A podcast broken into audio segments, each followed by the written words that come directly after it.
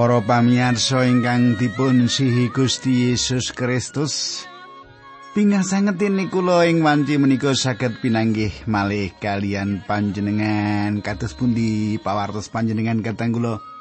Pandonga kula wonten ing pepanggihan menika panjenengan wonten ing kahanan ingkang bingah dipun berkahi Gusti Allah ngraosaken kados pundi Gusti Allah jangkung panjenengan makaten nggih. Nah kados padatan kula wonten ing sawetawis wekdal menika badhe sesarengan kalian panjenengan wonten ing salebetipun adicara margi utami. Adicara margi utami inggih menika satunggalipun adicara ingkang panjenengan kula dherekaken sinau kayektosan kayektosan saking kitab suci secara urut panjenengan pirsa bilih sak menika dumugi sak menika sampun ngancik ing setunggal Korintus. Nggih kitab setunggal Korintus. Ayatipun siji 16 babipun pitu makaten nggih. Nah, monggo panjenengan nyawisaken kitab suci panjenengan. Dipun bika setunggal Korintus bab pitu gitu. Kita cobi sinau ayat setunggal ngantos 16 ganti urutan nggih makaten nggih. Nah, sugeng midhangetaken adicara menika.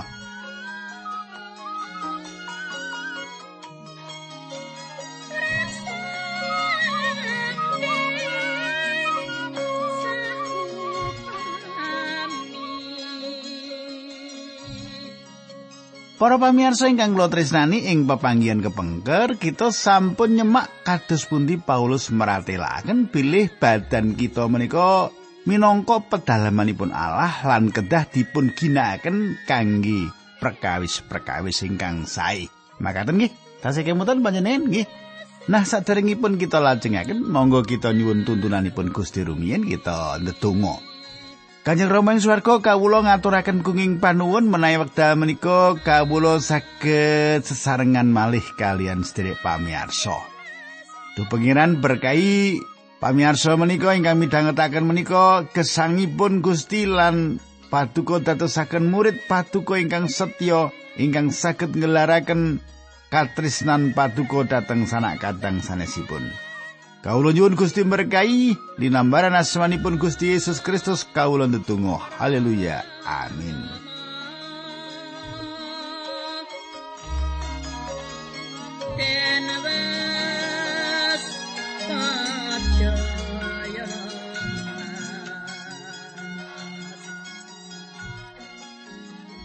Para pamirsa, samenika pasinaon kita sampun lumebet ing kitab setunggal Korintus pitu.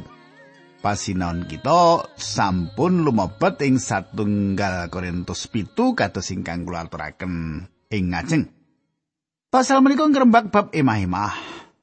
Ing pasal saderengipun Paulus nyukani tiang pitados kayektosan kaesokman trap-trapanipun inggih menika perkawis emah-emah ingkang saged ngudari masalah ke ingkang kekayutan kalian kempal tilem ing salebetipun emah-emah menika. Panjenengan tentu kemutan ing wekdal Paulus negasaken bilih badan kita menika kagunganipun Gusti Allah lan badan kita menika pedaleman sucinipun Sang Roh Suci. Badan kita dipun agem kangge kaluhuranipun Gusti Allah.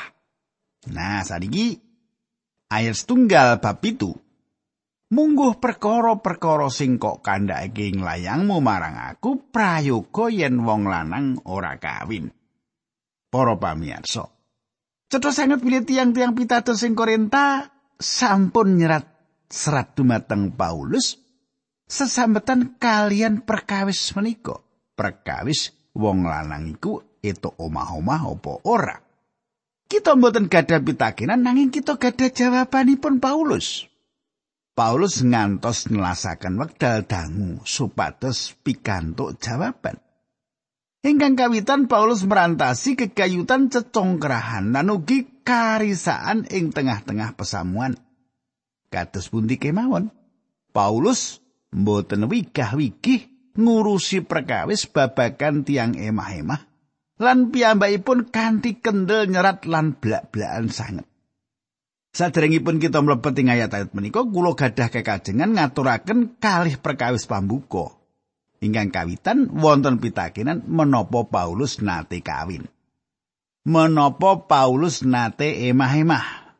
Menawi Paulus mboten nate emah-emah, pramila ing salebeting keteranganipun menika namung teori kemawon. Paulus mboten wicanten alasan pengalaman kados pundi kemawon. Paulus mboten nindakaken makaten. Paulus wicanten saking pengalaman menika caranipun Sang Roh Suci kangge milih manungsa ingkang boten mangertos menapa-menapa kegayutan perkawis ingkang dipun dawuhaken dening Sang Roh Suci supados dipun serat.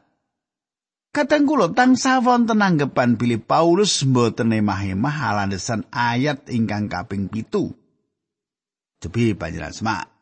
Satemene munggu ing aku aku kepingin yen kowe padha kaya aku nanging saben wong mono ganjarane dewi-dewi sing siji oleh ganjaran mengkene sijine oleh ganjaran mengkono. Para pamirsa menawi kita gadah anggapan pilih Paulus mboten emah-emah kita perlu ngatosaken ayat salajengipun ayat 8 tumrap sing durung padha omah lan para rondo aku merayogake supaya aja omah kaya aku iki Para pamirsa, kita mangertos piyambakipun boten emah-emah, nanging panjenengan gatosaken bilih piyambakipun nyebat kalih klasing mriki.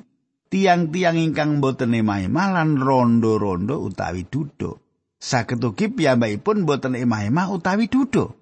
Para pamirsa, angel dipun yakini menapa Paulus boten nikah awet asal usulipun lan sinten to piyambakipun menika? Ing salebetipun para rasul 16 ayat Paulus wicanten. Panglawan menika kawula tindakaken wonten ing kitha Yerusalem.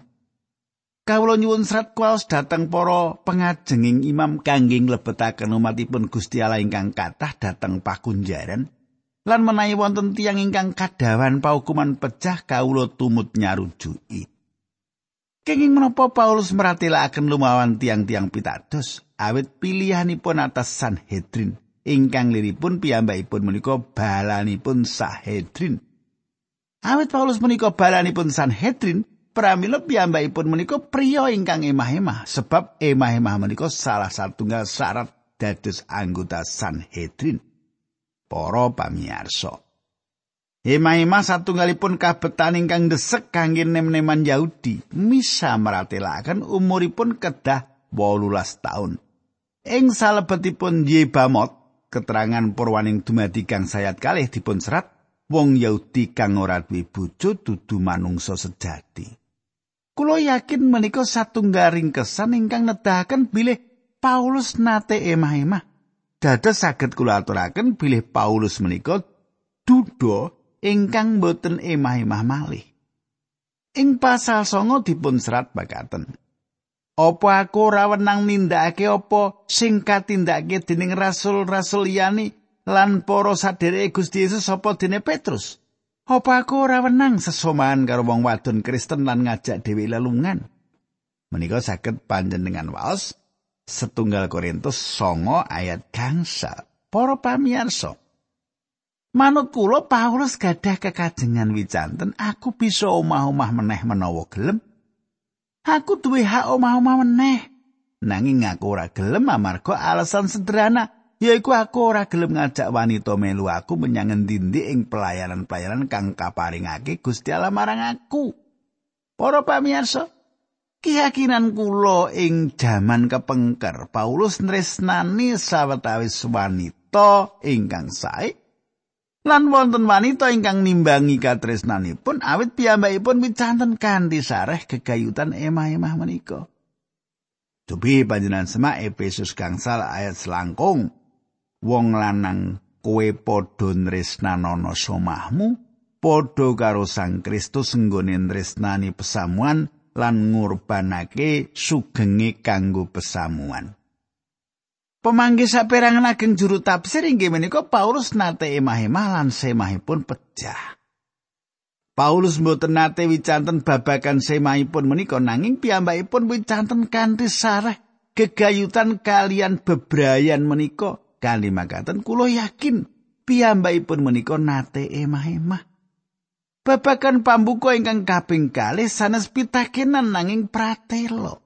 Kita perlu mangertos pasaman Korenta ing wekdal menika menawi mboten kita badhe kajebak ing pikiran pilih Paulus ngajeni kalenggahanipun piyambakan ngelangkungi kalenggahanipun ing wekdal emah-emah. Eh, cetha nggih. Kula suwun panjenengan cetha. Sampeyan kula lajengaken ayat setunggal lan ayat kalih bab pitu setunggal Korintus. Munggo perkara-perkara sing kok kandhake ing layangmu marang aku prayoga yen wong lanang ora kawin. Nanging merga manungsa kuwi gampang kena ing panggoda laku Cina, luwih becik yen saben wong lanang duwe somah dhewe lan saben wong wadon duwe bojo dhewe. Para pamirsa, kita perlu mangertos Korintus.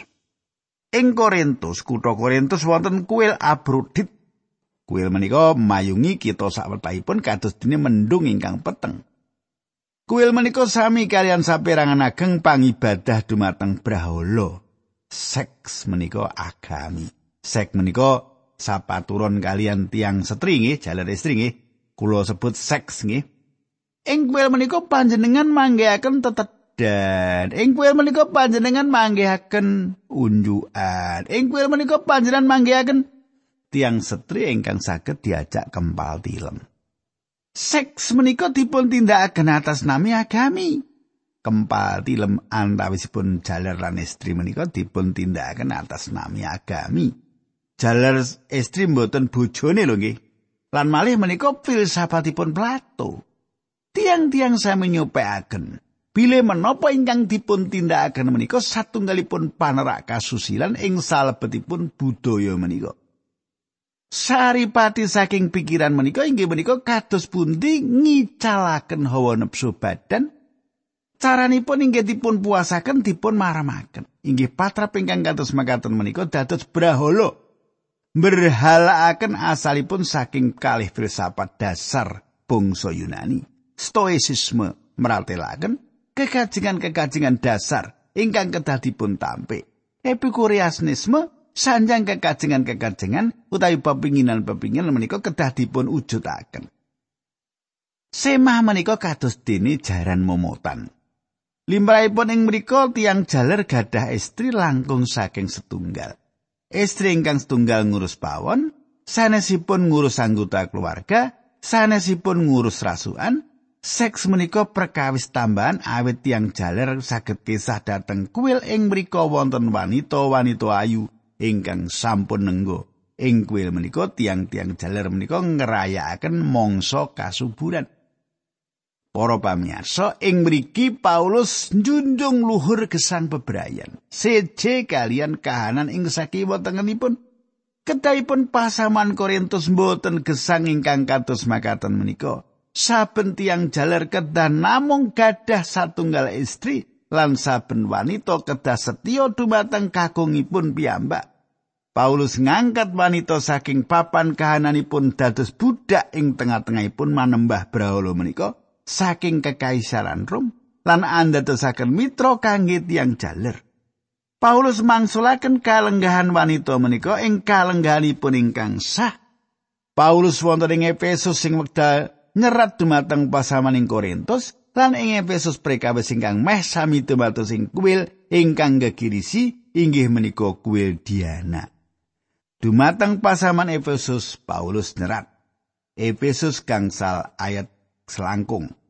Wong lanang kowe padha nresnanono somahmu padha karo Sang Kristus. Nggone nresnani pesaman lan ngurbanake sugenge kanggo pasamuan para pamirsa Kulo mangertos wonten saperangan sederek ingkang badhe sanjang bilih Paulus nyukani mangertos dumateng para istri supados mbangun turut dumateng kakungipun. Paulus nyerat ing Efesus gangsal ayat 23, wong wadon kowe padha manuta marang somahmu kaya enggonmu manut marang Gusti. Para pamirsa, menapa nate panjenengan madosi tembung manuta lan panjenengan saged manggihaken leripun tegesipun? Manut ing mriki leripun nanggapi. Tiang setri kedan nanggapi kakungipun piyambak. Tiang jaler dados ingkang ini tiang jaler ingkang wiwit ngesokaken katresnan lan wanita ingkang dados tiang ingkang nampeni katresnan menika. Perkawis menika mboten winates sing babakan seks kemawon. Perkawis menika kalebet babakan mental kasukman, kajiwan lan kajasmanen. Tiang jaler menika tukang miwiti wanita ingkang nampi Gusti Allah nitahaken priya lan wanita kados makaten menika ing wiwitanipun. Gusti Allah nitahaken wanita dados kanca tiang ingkang mitulungi tiang jaler menika utawi ingkang badhe mbangun turut dumateng piyambakipun. Wanita menika perangan sanes saking priya menika menawi kakung sanjang aku nresnani kowe istri badhe atro wangsulan aku nresnani panjenengan. Menawi tiang jaler ngakeni bila istrinipun adem kemawon, piyambakipun sejatosipun sanjang bila minangka ceceripun kakung piyambakipun gagal. Lan inggih piyambakipun menika ingkang kedatipun lepataken ing kahanan ingkang kados makaten menika. Paulus ngangkat wanita saking budak dados mitra kangge tiang jaler cobi panjenengan katosaken ayat-ayat selajengipun. Ayat telu nggih. Ayat 3. Saben wong lanang netepono kewajibane marang somai. Mengkono wong wadon marang bojone sing siji gawe marming atine sijine. Para pamirsa, istri kedah bangun turut dumateng ingkang kakung. Kakung kedah sanjang dumateng semahipun bile piyambakipun nresnani dumateng semahipun. Ayat sekawan, wong wadon ora kuwasa tumraping awake dhewe nanging sing lanang sing kuwasa. Mengkono uga wong lanang ora kuwasa tumraping awake dhewe sing kuwasa sing wadon. Para pamirsa panjenengan gatosaken. Pangandikanipun Gusti negasaken bilih tiang jaler mboten kenging kesah dateng kuil Aprodit. Menapa ingkang dipun tindakaken menika satunggalipun dosa, katresnan lan seks papanipun wonten ing griya. Satunggal-tunggalipun pamrih ing salebetipun emah-emah inggih menika katresnan sanes seks sepindah malih katresnan. Kulo yakin Paulus nate tresnani wanita sae lan wanita wau temtu ngidapi-dapi wonten kata sanget priya ngidapi-dapi ing salebetipun kitab suci ingkang nate tresnani wanita. Adam lan Kowo, Yakob lan Rahel, Boas lan Rut, Daud lan Abigail, Abigail menika ingkang sanjang dumateng Daud. Tepi panjenengan semak setunggal Samuel selangkung ayat 29 Upami wonten tiyang nglawan panjenengan so nyubi mejahi panjenengan, panjenengan tentu dipun ayomi dening Gusti Allah. Para pamirsa, John Wesley sanes tiyang ingkang sampun dipun wilujengaken ing wekdal piyambakipun wonten ing Amerika. Piyambakipun nyerat aku teko ing negara iki kanggo ngrubah wong Indian nanging sapa kang bakal ngrubah John Wesley. Wonten pawartos bilih raja ngutus tiyang ingkang derajatipun bangsawan Amerika, budaya ingkang lumampah medal semanten inggih menika golongan bangsawan dipun kedahaken emah-emah kalian wanita ingkang sae piyambak. Lan John Wesley ugi ningkah kalian wanita ingkang ayu sanget lan wanita menika gadah kapribadian ingkang mantep. Wanita menika ugi tiyang Kristen salajengipun wonten misionari nem-neman dateng papanipun juru pekabar Injil lan semah bangsawan menika kasmaran. Nanging wanita menika sanjang ora John Gusti Allah nimbali kowe bali menyang Inggris supaya nindakake sawetara pelayanan gedhe kanggo panjenengani. Inggih wanita menika ingkang mangsulaken John Wesley datang Inggris supados ngladosi ing gereja Metodis. Ing wekdal wangsul dateng Inggris John Wesley dados jiwa inggal lan wanita menika ingkang dados jalaranipun. Menawi wonten tiang jalar ingkang ngidapi-dapi. Tentu wonten campur tanganipun wanita. Paulus nglajengaken garis pedomanipun ingkang dados tuntunan ing salebeting gesang sesemahan. Kita lajengaken ayat gangsa lan 6 setunggal Korintus pitu. Kowe aja padha cegah cinegah, kejaba yen ana sarujuke loro-lorone kanggo sawetara mangsa. Srana mengkono kowe padha bisa mligi nggon mundhet donga. Nuli padha baliya supaya kowe aja kena ing panggodaning iblis merga ora kuat nyegah hawa nepsumu. Kabeh mau ndak kandhake marang kowe ora dadi pernatan nanging pamrayoga. Menika ayat kang salah 6. Para pamirsa, Paulus sanjang menawi menapa ingkang dipun pratelakaken menika sanes pangandikanipun Gusti nanging satunggalipun garis pedoman kangge dipun not supados iblis mboten gadah wewengan nggodha jaler istri ingkang kacancang ing gesang bebrayan. Ayat pitu. Satemene mungguing aku, aku kepingin yen kue padha kaya aku nanging saben wong mono ganjarani diwi-diwi. Sing siji oleh ganjaran mengkene, sijine oleh ganjaran mengkono para pamirsa ing jaman menika Paulus mboten gadah sema Piyambakipun boten ningkah malih, piyambakipun boten ngajak semah ing salebetipun piyambakipun mlampah ngelaraken Injil. Saben tiang-tiang ingkang wonten ing salebetipun pakaryanipun Gusti ingkang boten emah-emah, para abdi Gusti menika pancirila nindakaken kados mekaten sak perangan wonten ingkang sawetawis taun sanesipun sak dangunipun gesang. Panjenengan tentu ing wekdal Gusti Yesus ngendika Matius 19 ayat 12 sebab ana wong sing ora bisa omah-omah mergo wit lair mula kahanane mengkono. Ana uga sing ora bisa omah-omah mergo didadekake mengkono dening wong liya lan ana meneh wong sing milih ora omah-omah metu saka karepe dhewe supaya bisa luwih mligi nggone nglakoni ayahan peparinge ing kratone Gusti Allah. Ing wedal wiwitan pladosan para pamirsa, kula tasih piyambakan lan kepengin gadah sema. Paulus sanjang pilih pepinginan ingkang kados makaten menika wajar limrah normal nggih. Kula lajengaken ayat 8 lan 9. Tumrap sing durung padha omah lan para rondo, aku mrayogake supaya aja omah kaya aku iki. Nanging yen kowe padha ora kuat nyegah hawa nepsu, luwih becik padha omah-omah tinimbang ngangah-angah mergo dening hawa nepsu. Para pamirsa langkung sae emah-emah tinimbang ngangah-angah awit kobong dening hawa nepsu. Samenika ayat 12 lan 11. Tumrap wong sing padha omah-omah, Gusti dudu aku paring dawuh mengkene wong wadon sing wis ningkah aja megat bojone.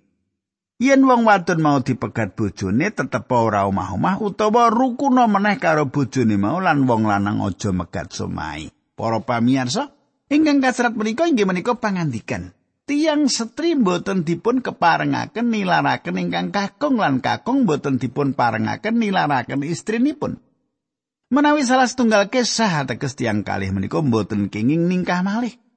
Samenika wonten masalah enggal ingkang tuwa ing salebeting pesaman Korintus.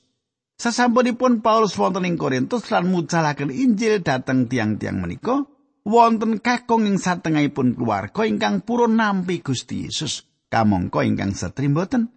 Menapa ingkang kedah dipun tindakaken tiang-tiang pitados sing salebetipun kahanan kados makaten menika? Ayat 13 13 14 nggih. Marang wong liya-liyane aku dudu Gusti duwe pamrayoga mengkene. Yen ana wong lanang Kristen duwe somah wong sing ora percaya, mongko somahe mau gelem urip bebarengan karo dheweke, somahe mau aja dipegat. Lan yen ana wong wadon Kristen duwe bojo wong sing ora percaya, mongko wong lanang mau gelem urip bebarengan karo dheweke, wong wadon mau aja megat bojone. Jeleran wong lanang sing ora percaya mau wis ditampi dening Gusti Allah mergo anggone dadi bojone wong wadon sing percaya mau. Semono wong wadon sing ora percaya uga wis ditampi dening Gusti Allah mergo saka anggone dadi somahe wong lanang sing percaya mau. Saupama ora mengkono, anak-anake wong-wong mau ora banjur dadi wong kafir. Monggo satemene anak-anak mau padha ditampi dening Gusti Allah. Para pamirsa, Menawi wonten ingkang emah-emah kalian tiang jaler utawi tiang sestri ingkang dereng wilujeng lan tiang kalih menika gadah lare, Paulus nyukani pamrayogi supados tiang kalih menika mikiraken rumiyin kanthi mateng. Ayat kang 11. Nanging yen sing ora percaya mau kepengin pegatan karo somai utawa bojone sing Kristen, ya aja dialang-alangi. Ana ing kahanan sing mengkono wong lanang utawa wong wadon Kristen mau dadi bebas nanging nggone Gusti Allah nimbali kowe supaya kowe padha tansah rukun. Para pamirsa, menawi tiang pitados nilaraken anggenipun emah-emah, ceritanipun dados benten. Kanthi makaten tiang pitados menika bebas ingkang dados pitakenan mensa menika, menapa tiang menika bebas emah-emah malih? Kulo yakin ing kahanan khusus Paulus ngidinaken perkawis menika saged kemawon dumados kula gagas mboten wonten aturan ingkang gumathok atas kahananing jaman samenika. Manut kula saben gada masalah duka tiang menika ngadeg utawi dawah menika atas menapa ingkang dipun tindakaken piyambak. Perkawis menika saged dipun salah ginakaken kanthi gampil malah dening tiang Kristen. Kala-kala tiang ingkang dados jejeripun kakung utawi istri saged nyebrataken setunggalan sanesipun lan saged meksa salah setunggal kesah supados saged manggihaken landesan kasukman kangge pegatan gitu.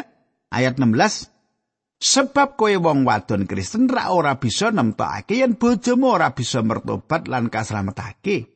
Semono uga kowe wong lanang Kristen ora bisa nemtokake yen kowe ora bisa dadi jalarane somahmu mertobat lan kaslametake. Para pamirsa, nuntun ingkang kakung lan istri panjenengan konjo Sang Kristus kedah dados tujuan utami ing gesang panjenengan. Para pamirsa, monggo kita tumungkul kita ndedonga sesarengan. Duh Kanjeng Rama ingkang adhedhampar wonten kraton ing kasuwargan kawula ngaturaken gunging panuwun. Menawi wekdal menika kawula saged tetunggilan saged sesarengan kalian sedherek kawula ingkang setya tuhu midhangetaken adicara menika ngantos paripurna paduka berkah gesangipun Gusti. Paduka kiyataken Gusti lan dadosna murid paduka ingkang kangen ngladosi paduka. Dinambaran asmanipun Gusti Yesus Kristus kawula netunggal haleluya amin